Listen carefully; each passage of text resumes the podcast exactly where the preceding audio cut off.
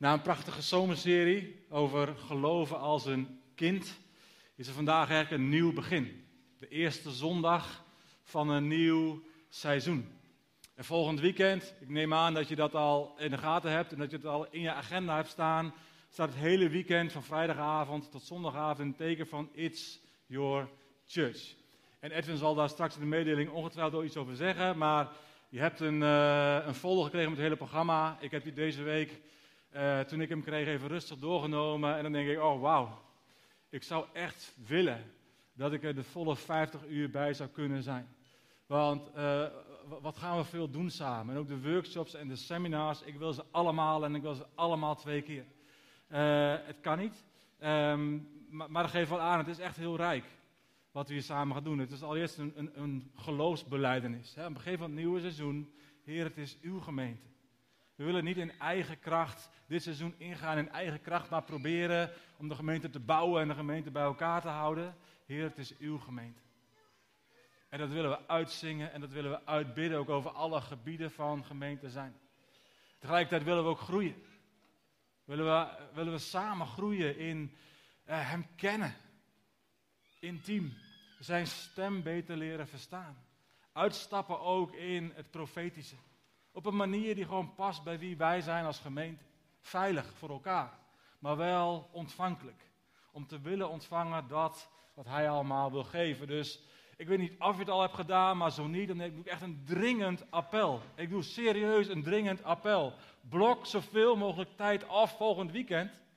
Los van misschien de verplichtingen die je hebt, maar voor de rest schrap dingen die niet nodig zijn. Boodschappen hoef je niet te doen op zaterdagochtend. Ik heb het wel eens gehoord van mensen die konden komen dat ik moet boodschappen doen. Ja, boeien. Die kunnen ook op vrijdagochtend gedaan worden of op donderdagavond of wanneer. Zorg echt dat je aanhaakt. Want je mist ook iets in, in de stap die we weer zetten in een nieuw seizoen. Als je volgende weekend skipt en denkt, nou ik ga wel gewoon zondagochtend, pak wel een blokje mee. Je mist de essentie van wat we hier als gemeente ook aan het doen zijn. De nieuwe reis die ook weer instappen in een nieuw seizoen. Dus alsjeblieft, maak er prioriteit van. Nou, en vandaag is eigenlijk ook een soort staddag. En misschien heb je het al in de gaten, er staan allemaal kraampjes. Dus vandaag hebben we een bedieningenmarkt. En dat is nodig. En tegelijkertijd, ik ga niet lopen leuren met bedieningen in deze preek. Ik ga, ik ga niet je daar naartoe proberen te praten. Van, hé, hey, wat is de plek die jij gaat innemen? Dat is jezelf helemaal geen verkeerde vraag om te stellen, welke plek ga jij innemen, waar ga jij dienen? Dat is denk ik niet eens de, de goede vraag. En we hebben echt nog genoeg plekken te vullen. ik vind het eigenlijk wel dramatisch, in alle eerlijkheid, dat wij als gemeente, ook in de grote gemeente die we zijn, dat we bijvoorbeeld nog steeds geen kinderwerk hebben in de tweede dienst voor de middenbouw en de grote bouw, de bovenbouw. Als ik dat dan, dan hoor en als ik het weet, dan ergens denk ik, maar dat kan toch niet zo zijn? We missen dus harten en handen van broers en zussen. Die zeggen, joh, ik neem mijn plek in. En, er zijn heel veel plekken waar we nog harten en handen missen. Je, je kunt misschien wel denken als je binnenkomt en je komt als gast binnen van, nou, dit loopt allemaal wel. Dit gaat allemaal wel. Het is allemaal wel geregeld en ze hebben een uitgebreide staf, die zullen ook heel veel doen. Dat klopt. Maar de staf is vooral bedoeld voor ook het inspireren en het aansturen van de vrijwilligers. Want als de vrijwilligers het niet doen, dan loopt alles vast in deze gemeente. Maar de, vandaag, de centrale vraag is niet waar ga jij dienen. Die, uh, die vraag uh, hoort eigenlijk verdiept te worden. Er ligt een vraag onder. En die vraag die eronder ligt, heb ik mezelf heel lang niet gesteld. Als je mij een tijd geleden had gevraagd, Arjan, wat is het doel van je leven? Wat is jouw roeping? Wat is je missie? Dan zou mijn antwoord zijn, dat is het ook heel vaak geweest, ik wil vrucht dragen voor de koning. En als je het hoort, dan denk je misschien wel van, oeh, dat is wel echt een heel mooi verlangen. Uh, dat is wat ik in mijn leven wil. Ik wil vrucht dragen voor koning Jezus. Dat is waar ik wil dat mijn leven om draait. In zichzelf een prachtig verlangen. Maar ik ben tot de conclusie gekomen dat het niet de juiste focus is. Ik wil je graag meenemen naar een, een redelijk bekend gesprek in de Bijbel. Een gesprek dat Jezus heeft na zijn opstanding met Petrus.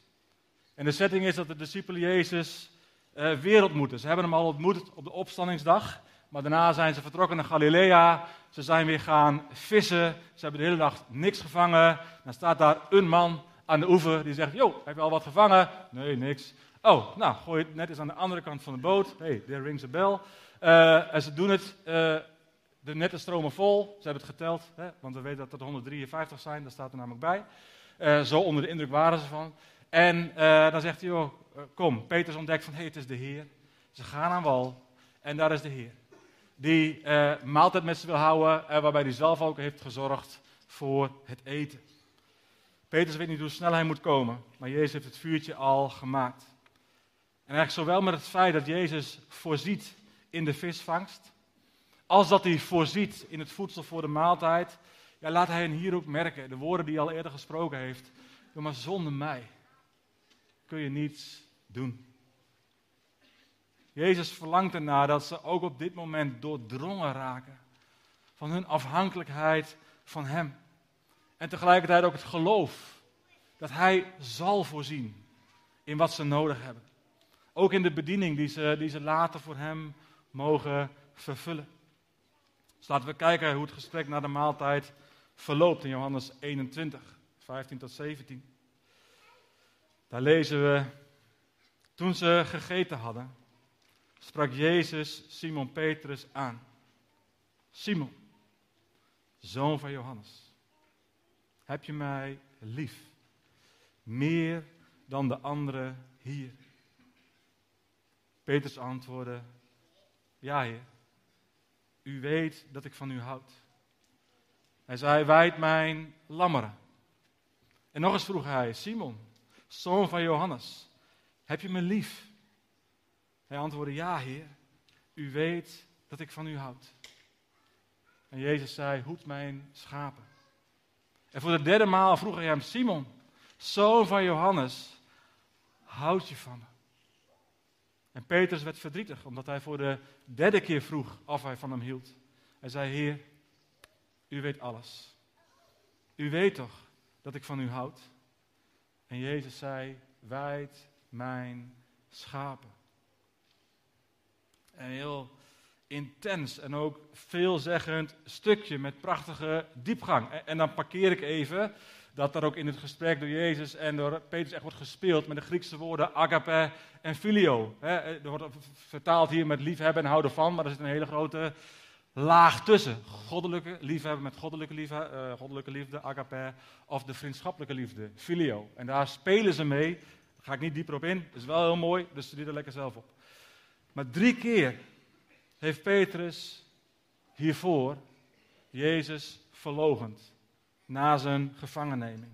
En drie keer stelt Jezus hem de vraag.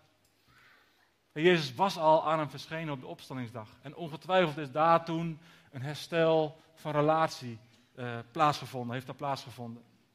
En dat Jezus nu te midden van zijn andere discipelen tot drie keer toe de vraag wordt gesteld of hij van Jezus houdt. Tot drie keer toe ook weer wordt ja, erg bevestigd in zijn bediening. Is het een herstel van zijn plek als apostel. Herstel van relatie eerst. En daarna ook herstel in zijn bediening als apostel. En Jezus vraagt Petrus of hij hem lief heeft. En wel meer dan de andere discipelen. En dat zal ongetwijfeld verband houden met de eerdere grootspraak van Petrus. Van ah, al zal iedereen u verlaten. Ik niet, Heer. Als het moet, dan sterf ik met u. En niets bleek minder waar. En, en, Jezus, ja, komt dichtbij. En Jezus prikt ook Petrus. Het is gedaan met te grote woorden. Het is gedaan met jezelf groter maken dan je in werkelijkheid bent. Het is genoeg om te zeggen dat je gewoon van me houdt. En eh, Petrus die zegt ook, u weet dat ik van u hou. Maar Petrus zelf heeft zijn les al geleerd. Hij stelt zich niet meer boven de anderen. Hij zegt niet, u weet dat ik van u hou. Ja, meer dan de andere discipelen. Dat is de les die hij al heeft geleerd. Hij kan het niet waarmaken. Maar hij hoeft het ook niet waar te maken. Dit antwoord, u weet dat ik van u hou, is genoeg voor Jezus om te zeggen, ik herstel je in je bediening.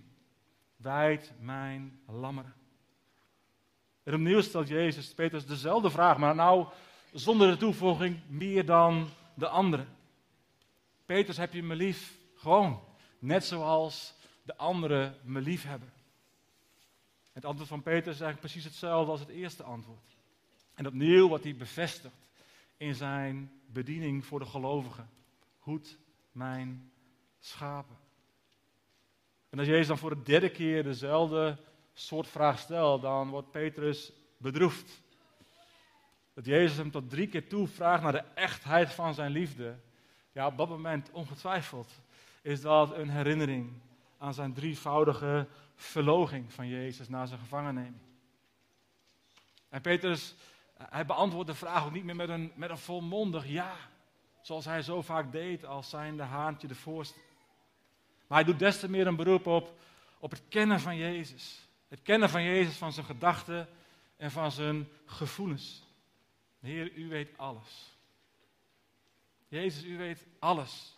Ik hoef me niet groter te maken, ik kan me niet groter maken, ik kan me niet beter voordoen, want u weet alles, u ziet alles. En ja, Jezus, u weet wel degelijk dat ik van u hou.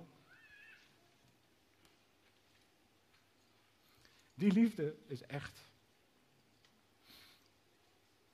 En de opdracht die Jezus vervolgens aan Petrus geeft, sluit aan bij de, de vorige twee. En zo herstelt hij hem op eervolle wijze, te midden van de andere discipelen, apostelen, voor zijn taak voor de gemeente. En tegelijkertijd heeft hij Petrus met deze twee vragen ook heel duidelijk en liefdevol erop gewezen dat joh, je menselijke beperktheid, die is vol aanwezig. Dus bevestigt Petrus ook in, in zijn volledige afhankelijkheid van de Heer Jezus. Bij het uitvoeren van de grote taak, de grote roeping, de grote opdracht die hij heeft gekregen. Wuit mijn lammeren, ja prima. Maar Jezus, je weet, zonder mij kun je niks doen. Dat sleutelvers uit Johannes 15. Blijf in mij, zegt Jezus daar. En die gelijkenis van de ware wijnstok. Blijf in mij. Dan blijf ik in jou. En dan, ja, dan zul je veel vrucht dragen. Wij kunnen geen vrucht dragen voor het koninkrijk uit onszelf. We hebben niks in handen. Blijf in mij, zegt Jezus. Blijf dicht bij mij. Blijf vasthouden aan wat ik je geleerd heb. En dan blijf ik in jou.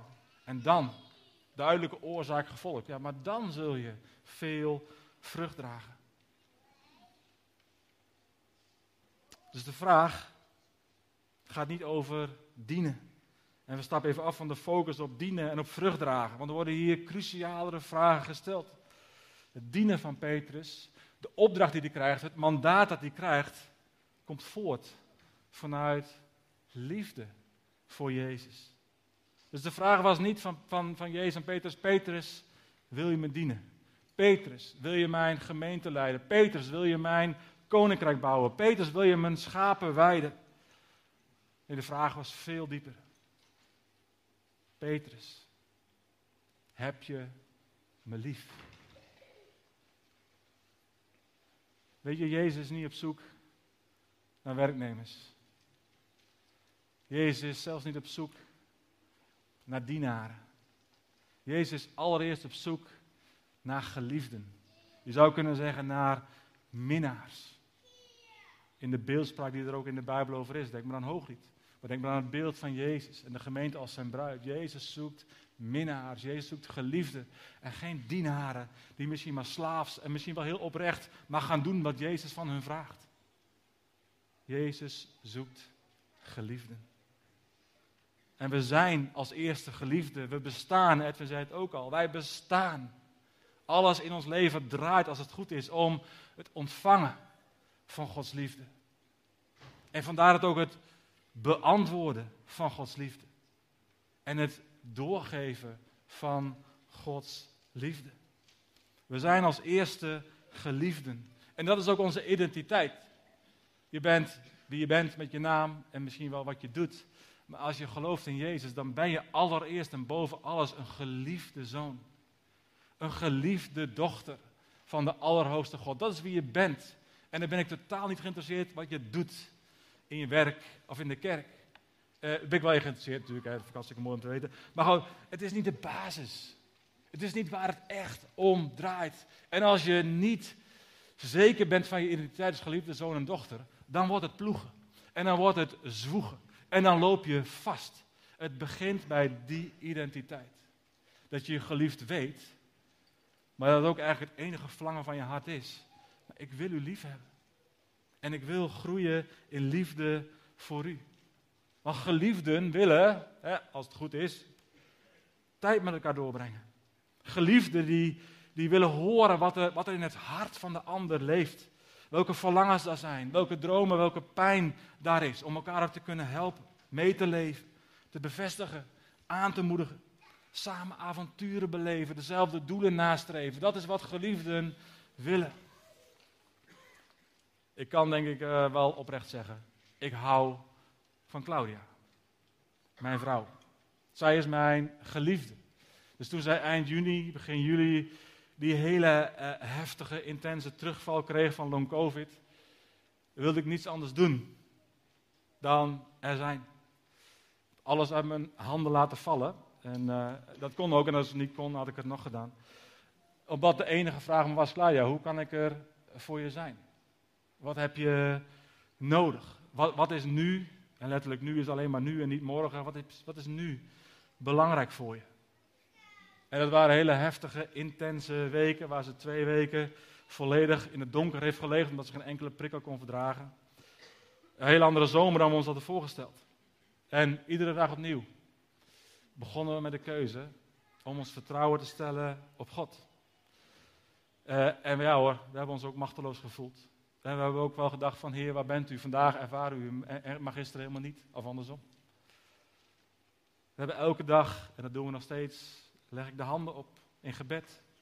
En ondertussen doen we gewoon gedisciplineerd de goede dingen, qua rust en inspanning. En gelukkig zijn we nu een fase verder. Maar herstel gaat, menselijkerwijs in ieder geval, langzaam. En het herstel is heel fragiel. En toch geloven we dat Claudia volledig zal herstellen en haar plek ook hier weer zal kunnen innemen. En we voelen ons, vind ik ook belangrijk en goed om te noemen, geliefd door de gemeente. Ik denk pas als je het jezelf overkomt, besef je weer hoe fijn het is om uh, in een pittige periode uh, een kaartje of een bemoediging te krijgen of te weten. En ook te ervaren. Claudia heeft in haar lichaam letterlijk ervaren: hé, hey, ik voel dat er op dit moment voor mij gebeden wordt. Dus denk nooit dat je gebed niet uitmaakt. We hebben echt ervaren, gevoeld dat er gebeden werd. En er is veel gebeden. En daar ben ik ongelooflijk dankbaar voor.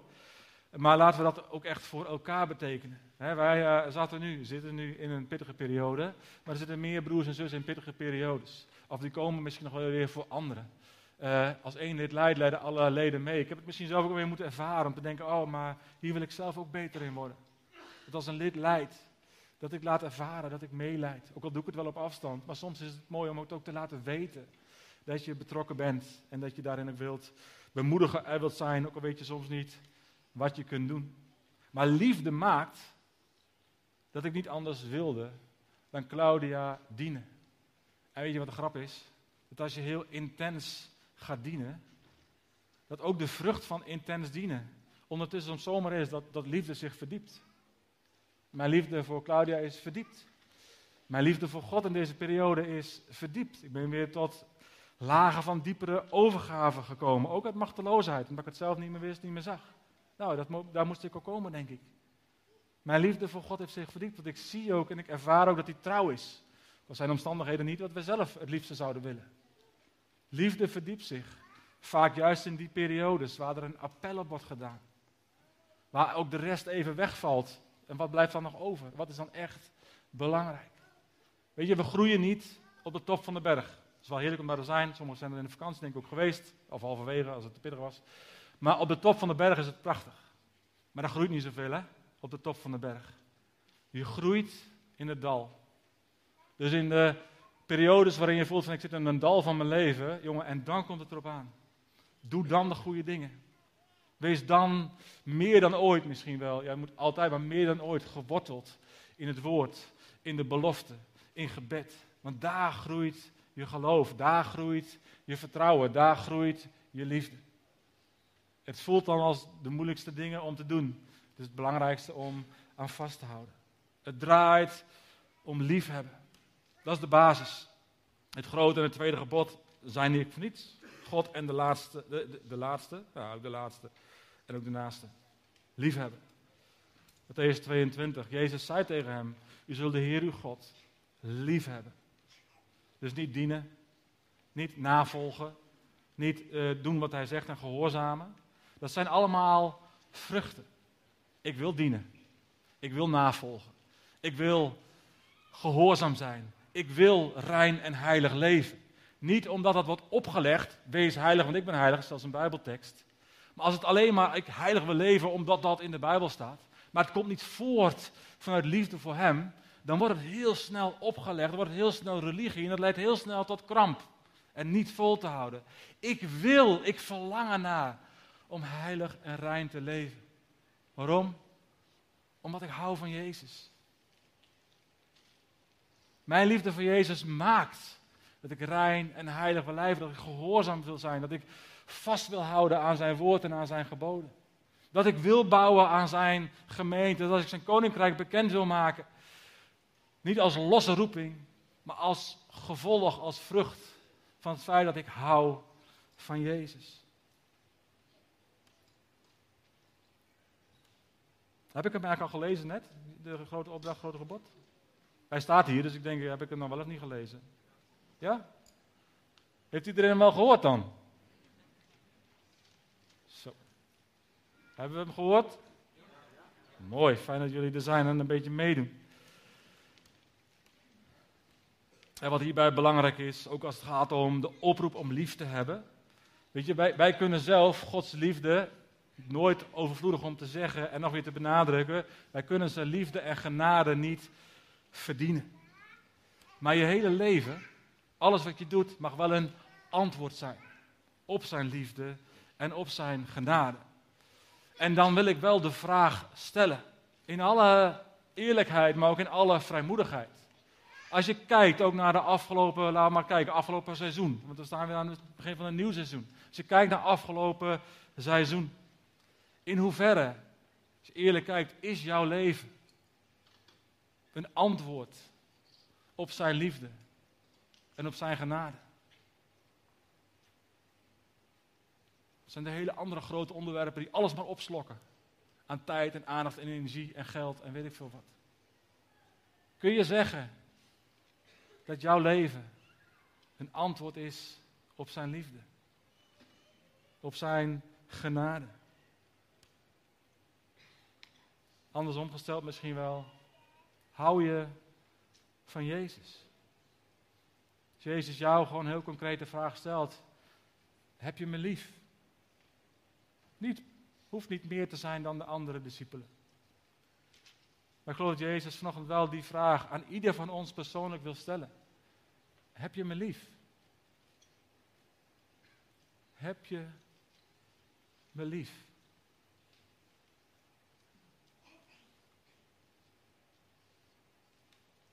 En van daaruit, of je antwoordt nou een, ja, ik heb het wel, maar, maar, het komt er niet echt uit. Of ik heb het wel, maar ik verlang nog dat het zoveel meer wordt. Wil je, en dat is dan meer ook het nieuwe seizoen in. Wil je boven alles het nieuwe seizoen groeien in liefde voor Jezus? Voor mij is dat nu topprioriteit. Dat is wat mijn roeping is in mijn leven. Ik wil groeien in mijn liefde voor Jezus.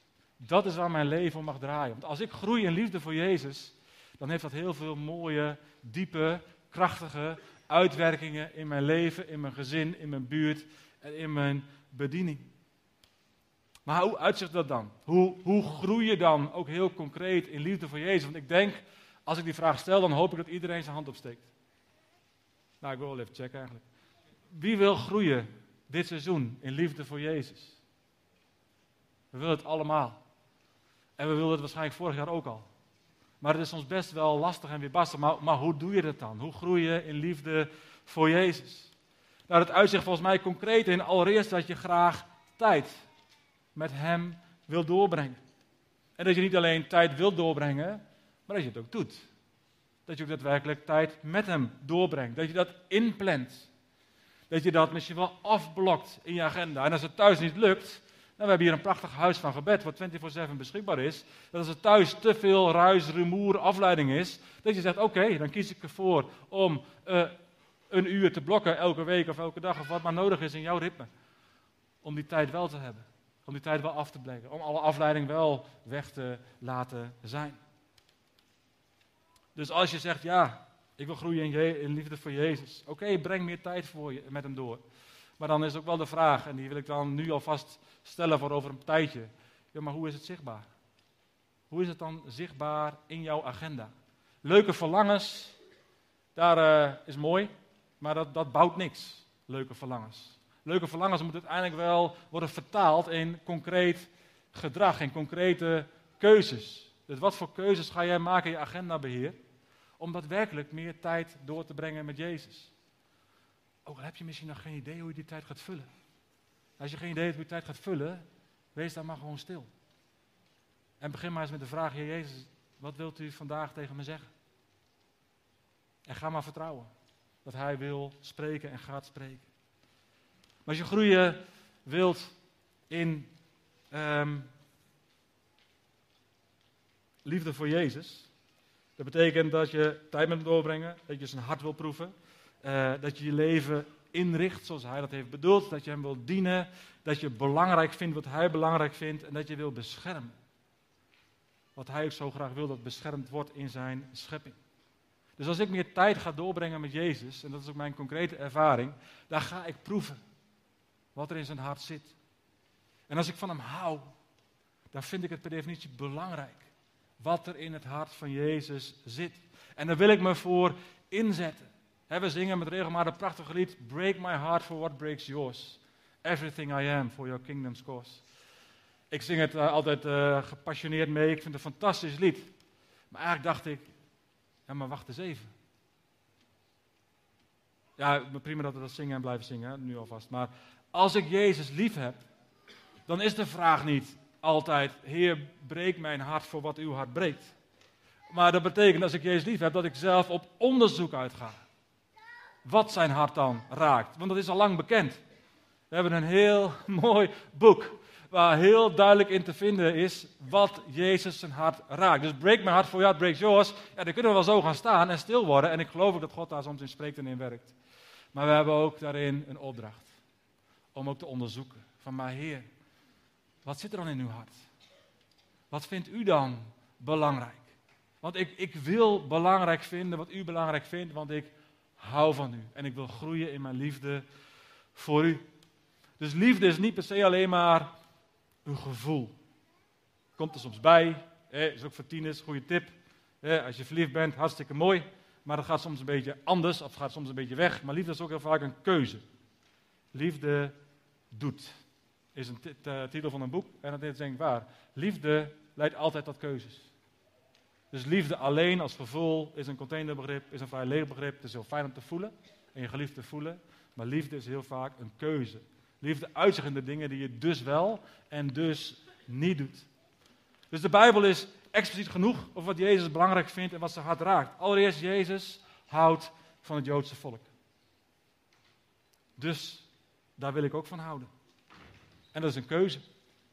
Maakt me niet uit hoe het allemaal zit en hoe de Midden-Oosten discussies allemaal zijn uh, in deze tijd. En hoe het politiek en staat en alles door elkaar loopt. Jezus houdt van het Joodse volk. En dus wil ik ook houden van het Joodse volk. Jezus houdt van zijn gemeente.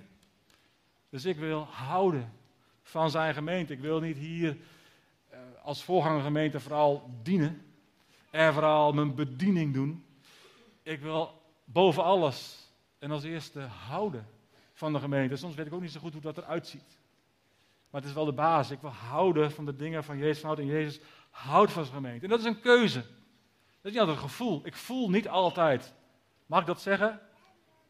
Liefde voor de gemeente in sommige dingen die wel eens voorbij komen als je leiderschap uitoefent in een gemeente. Ik denk dat ik dat vrij politiek goed heb verwoord. Maar Jezus houdt van zijn gemeente. En dus hou ik ook van zijn gemeente. Ook al voelt dat niet altijd zo, ook al gebeuren er niet altijd dingen die ik prettig of fijn vind, maak ik er zelf ook fouten in. Waardoor anderen zich niet prettig en fijn voelen. Jongens, soms hebben we dat wel te parkeren. Gemeente zijn is niet altijd fijn. Deal with dit voor een deel. Ik zie te vaak mensen de gemeente verlaten van ja, Ja, ik ben teleurgesteld. Ja, er is iets niet opgelost. Nou, dan is het dus ook niet een zaak om weg te gaan. Als iets niet opgelost is, moet je het oplossen. Want je bent broer en zus. Soms hartstikke ingewikkeld, snap ik heus. Soms raak je echt beschadigd, snap ik heus. Maar volgens mij moet je toestemming hebben van de Heer om weg te gaan. Van hier naar een andere gemeente of van een andere gemeente naar hier. En die keuze wordt soms veel te makkelijk gemaakt. Heb je toestemming van de Heer om een andere plek te zoeken? Of het nou deze is of een andere. Ik wil houden van zijn gemeente. Ook al is die niet rein en heilig en vlekkeloos. Het is deels vuilbaar mensenwerk wat we hier doen. We stellen elkaar teleur. Dat is gewoon een gegeven. Maar was daar doorheen wil ik houden van de dingen waar Jezus van houdt. Dus als je houdt van Jezus, als je hier al langere tijd komt en gewoon ja, niks doet in het bouwen van zijn gemeente, of niks meer doet al langere tijd, ja, volgens mij wordt het dan wel tijd om dat houden van Jezus te vertalen in het houden van zijn gemeente. En dat te vertalen in, maar hoe kan ik dan, Heer, uw gemeente, hoe kan ik ervan houden en hoe kan ik daarin helpen? Bouwen in wat u zo belangrijk vindt dat gebouwd wordt. En Jezus, hij houdt van recht en gerechtigheid. In het bijzonder naar armen en weduwen en wezen. Dus ik wil ook houden van het doen van gerechtigheid. En Jezus verlangt ernaar dat zijn koninkrijk meer zichtbaar wordt op aarde. En dus verlang ik daar ook naar. En dus is mijn vraag, Heer Jezus, hoe kan ik, daar, hoe kan ik daarin mee bewegen? Hoe kan ik groeien in mijn liefde voor u? Maar ook dat dat leidt tot meer zichtbaarheid van uw koninkrijk hier op aarde. Dus als je zegt dat je houdt van Jezus, maar als er niks in je leven zichtbaar is van het bouwen van zijn koninkrijk, dan heb je volgens mij wel enkele serieuze vragen te stellen. En dat wil ik niet op, dat is niet om te veroordelen, maar dat is wel om maar scherp het seizoen in te gaan. We, we leven in een tijd waar het er nu ook meer en meer op aankomt. Waar staan we voor? Waar gaan we voor? Wat vinden we nou echt belangrijk in onze levens? En dan hoop ik dat het antwoord is groeien in de liefde voor Jezus. En daarmee groeien in de liefde voor de dingen die Hij belangrijk vindt. Dus een nieuw begin van een nieuw seizoen. Vraag misschien wel om een hernieuwde focus, om daar waar het echt om gaat. Heb Jezus lief. En ga geven om de dingen waar Hij om geeft. Amen. Willen we dat? Ik wil er wel voor bidden, maar willen we dat? Zullen we samen gaan staan in het gebed?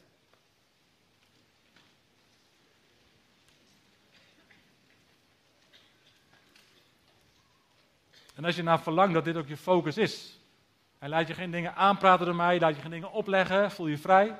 Maar ik wil in het gebed wel ook even stil worden. En wel echt even de ruimte geven om zelf uit te spreken naar Jezus. Want ik kan het wel over je uitspreken, ik kan wel bidden dat Jezus allerlei dingen doet. Maar het komt aan in jouw keuze. Wil je gewoon uitspreken naar Jezus straks in de stilte? Jezus, ik wil groeien in liefde voor u. En ik wil groeien in liefde voor de dingen die u belangrijk vindt. Punt. Als dat de focus is voor dit seizoen, dan zie ik met nieuwsgierigheid en verwachting uit wat Jezus daardoorheen allemaal gaat doen. Zullen we bidden?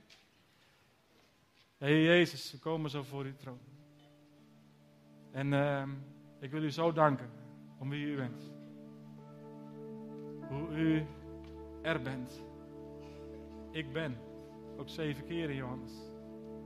U bent er. En dat gesprek met Petrus. Heer, opnieuw heeft het me geraakt en me bepaald bij de essentie van mijn zijn. En ik denk van ons zijn. De vraag der vragen. Heb je me lief?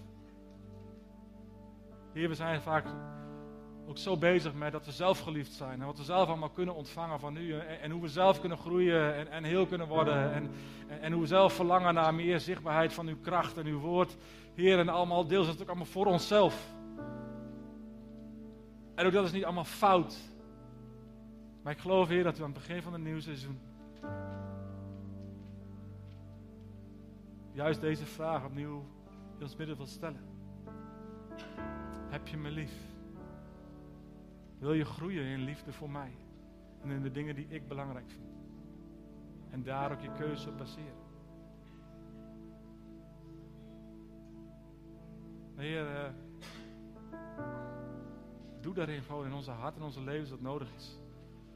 En ik verbreek daarin ook het, het, het juk van religie, wat nog zo vaak op onze levens ligt. Dat we altijd alleen maar doen omdat het zo hoort, omdat het zo verzegd is. En dat het niet komt vanuit een verlangen van binnenuit. Ik verbreek het juk van religie in de machtige naam van de Heer Jezus Christus. En ik spreek over een ieder die hier is uit dat je de vrijheid hebt om te kiezen. Dat het van binnenuit een verlangen, een keuze is. Om te zeggen, Heer Jezus, ik wil groeien in liefde voor u. De dingen die u belangrijk vindt. Als jij dat de focus wilt laten zijn van je nieuwe seizoen, dan nodig jij om op dit moment dat ook gewoon hardop naar Jezus uit te spreken.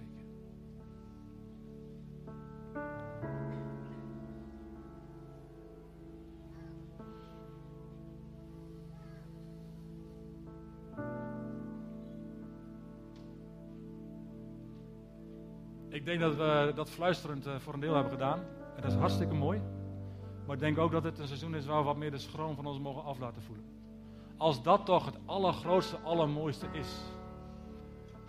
Als dat het diepste laag van ons hart zou mogen zijn. En ik, ik vind het lastig, hè, want het kan, uh, ik, kan, ik voel nu ook dat ik dat het dit, wat ik nu zeg allemaal bijna manipulatief kan overkomen. Dat ik een soort druk ga leggen om vooral hardop te uiten. Maar ik geloof wel dat we iets te doorbreken hebben. Ook met hardop bidden. Ja, waarom moeten we hardop bidden? Omdat het belangrijk is, omdat woorden kracht hebben. Woorden die uitgesproken zijn, hebben kracht. We doen het niet als een vormpje, als een trucje of als een show. Woorden hebben kracht. En als we het uitspreken, dan horen we het ook nog eens zelf. Dan hebben we al twee zintuigen in plaats van één. Dus ik snap dat er schroom is. Maar volgens mij is het een seizoen waar we ook de schroom in ons hebben af te vallen. Dus ik wil je toch uitnodigen. En het voelt misschien vet ongemakkelijk. Misschien heb je het nog nooit gedaan, misschien ben je het niet gewend. En toch nodig je uit. Wil je gewoon uitroepen naar Jezus. Als je wilt groeien. En liefde hem. Jezus.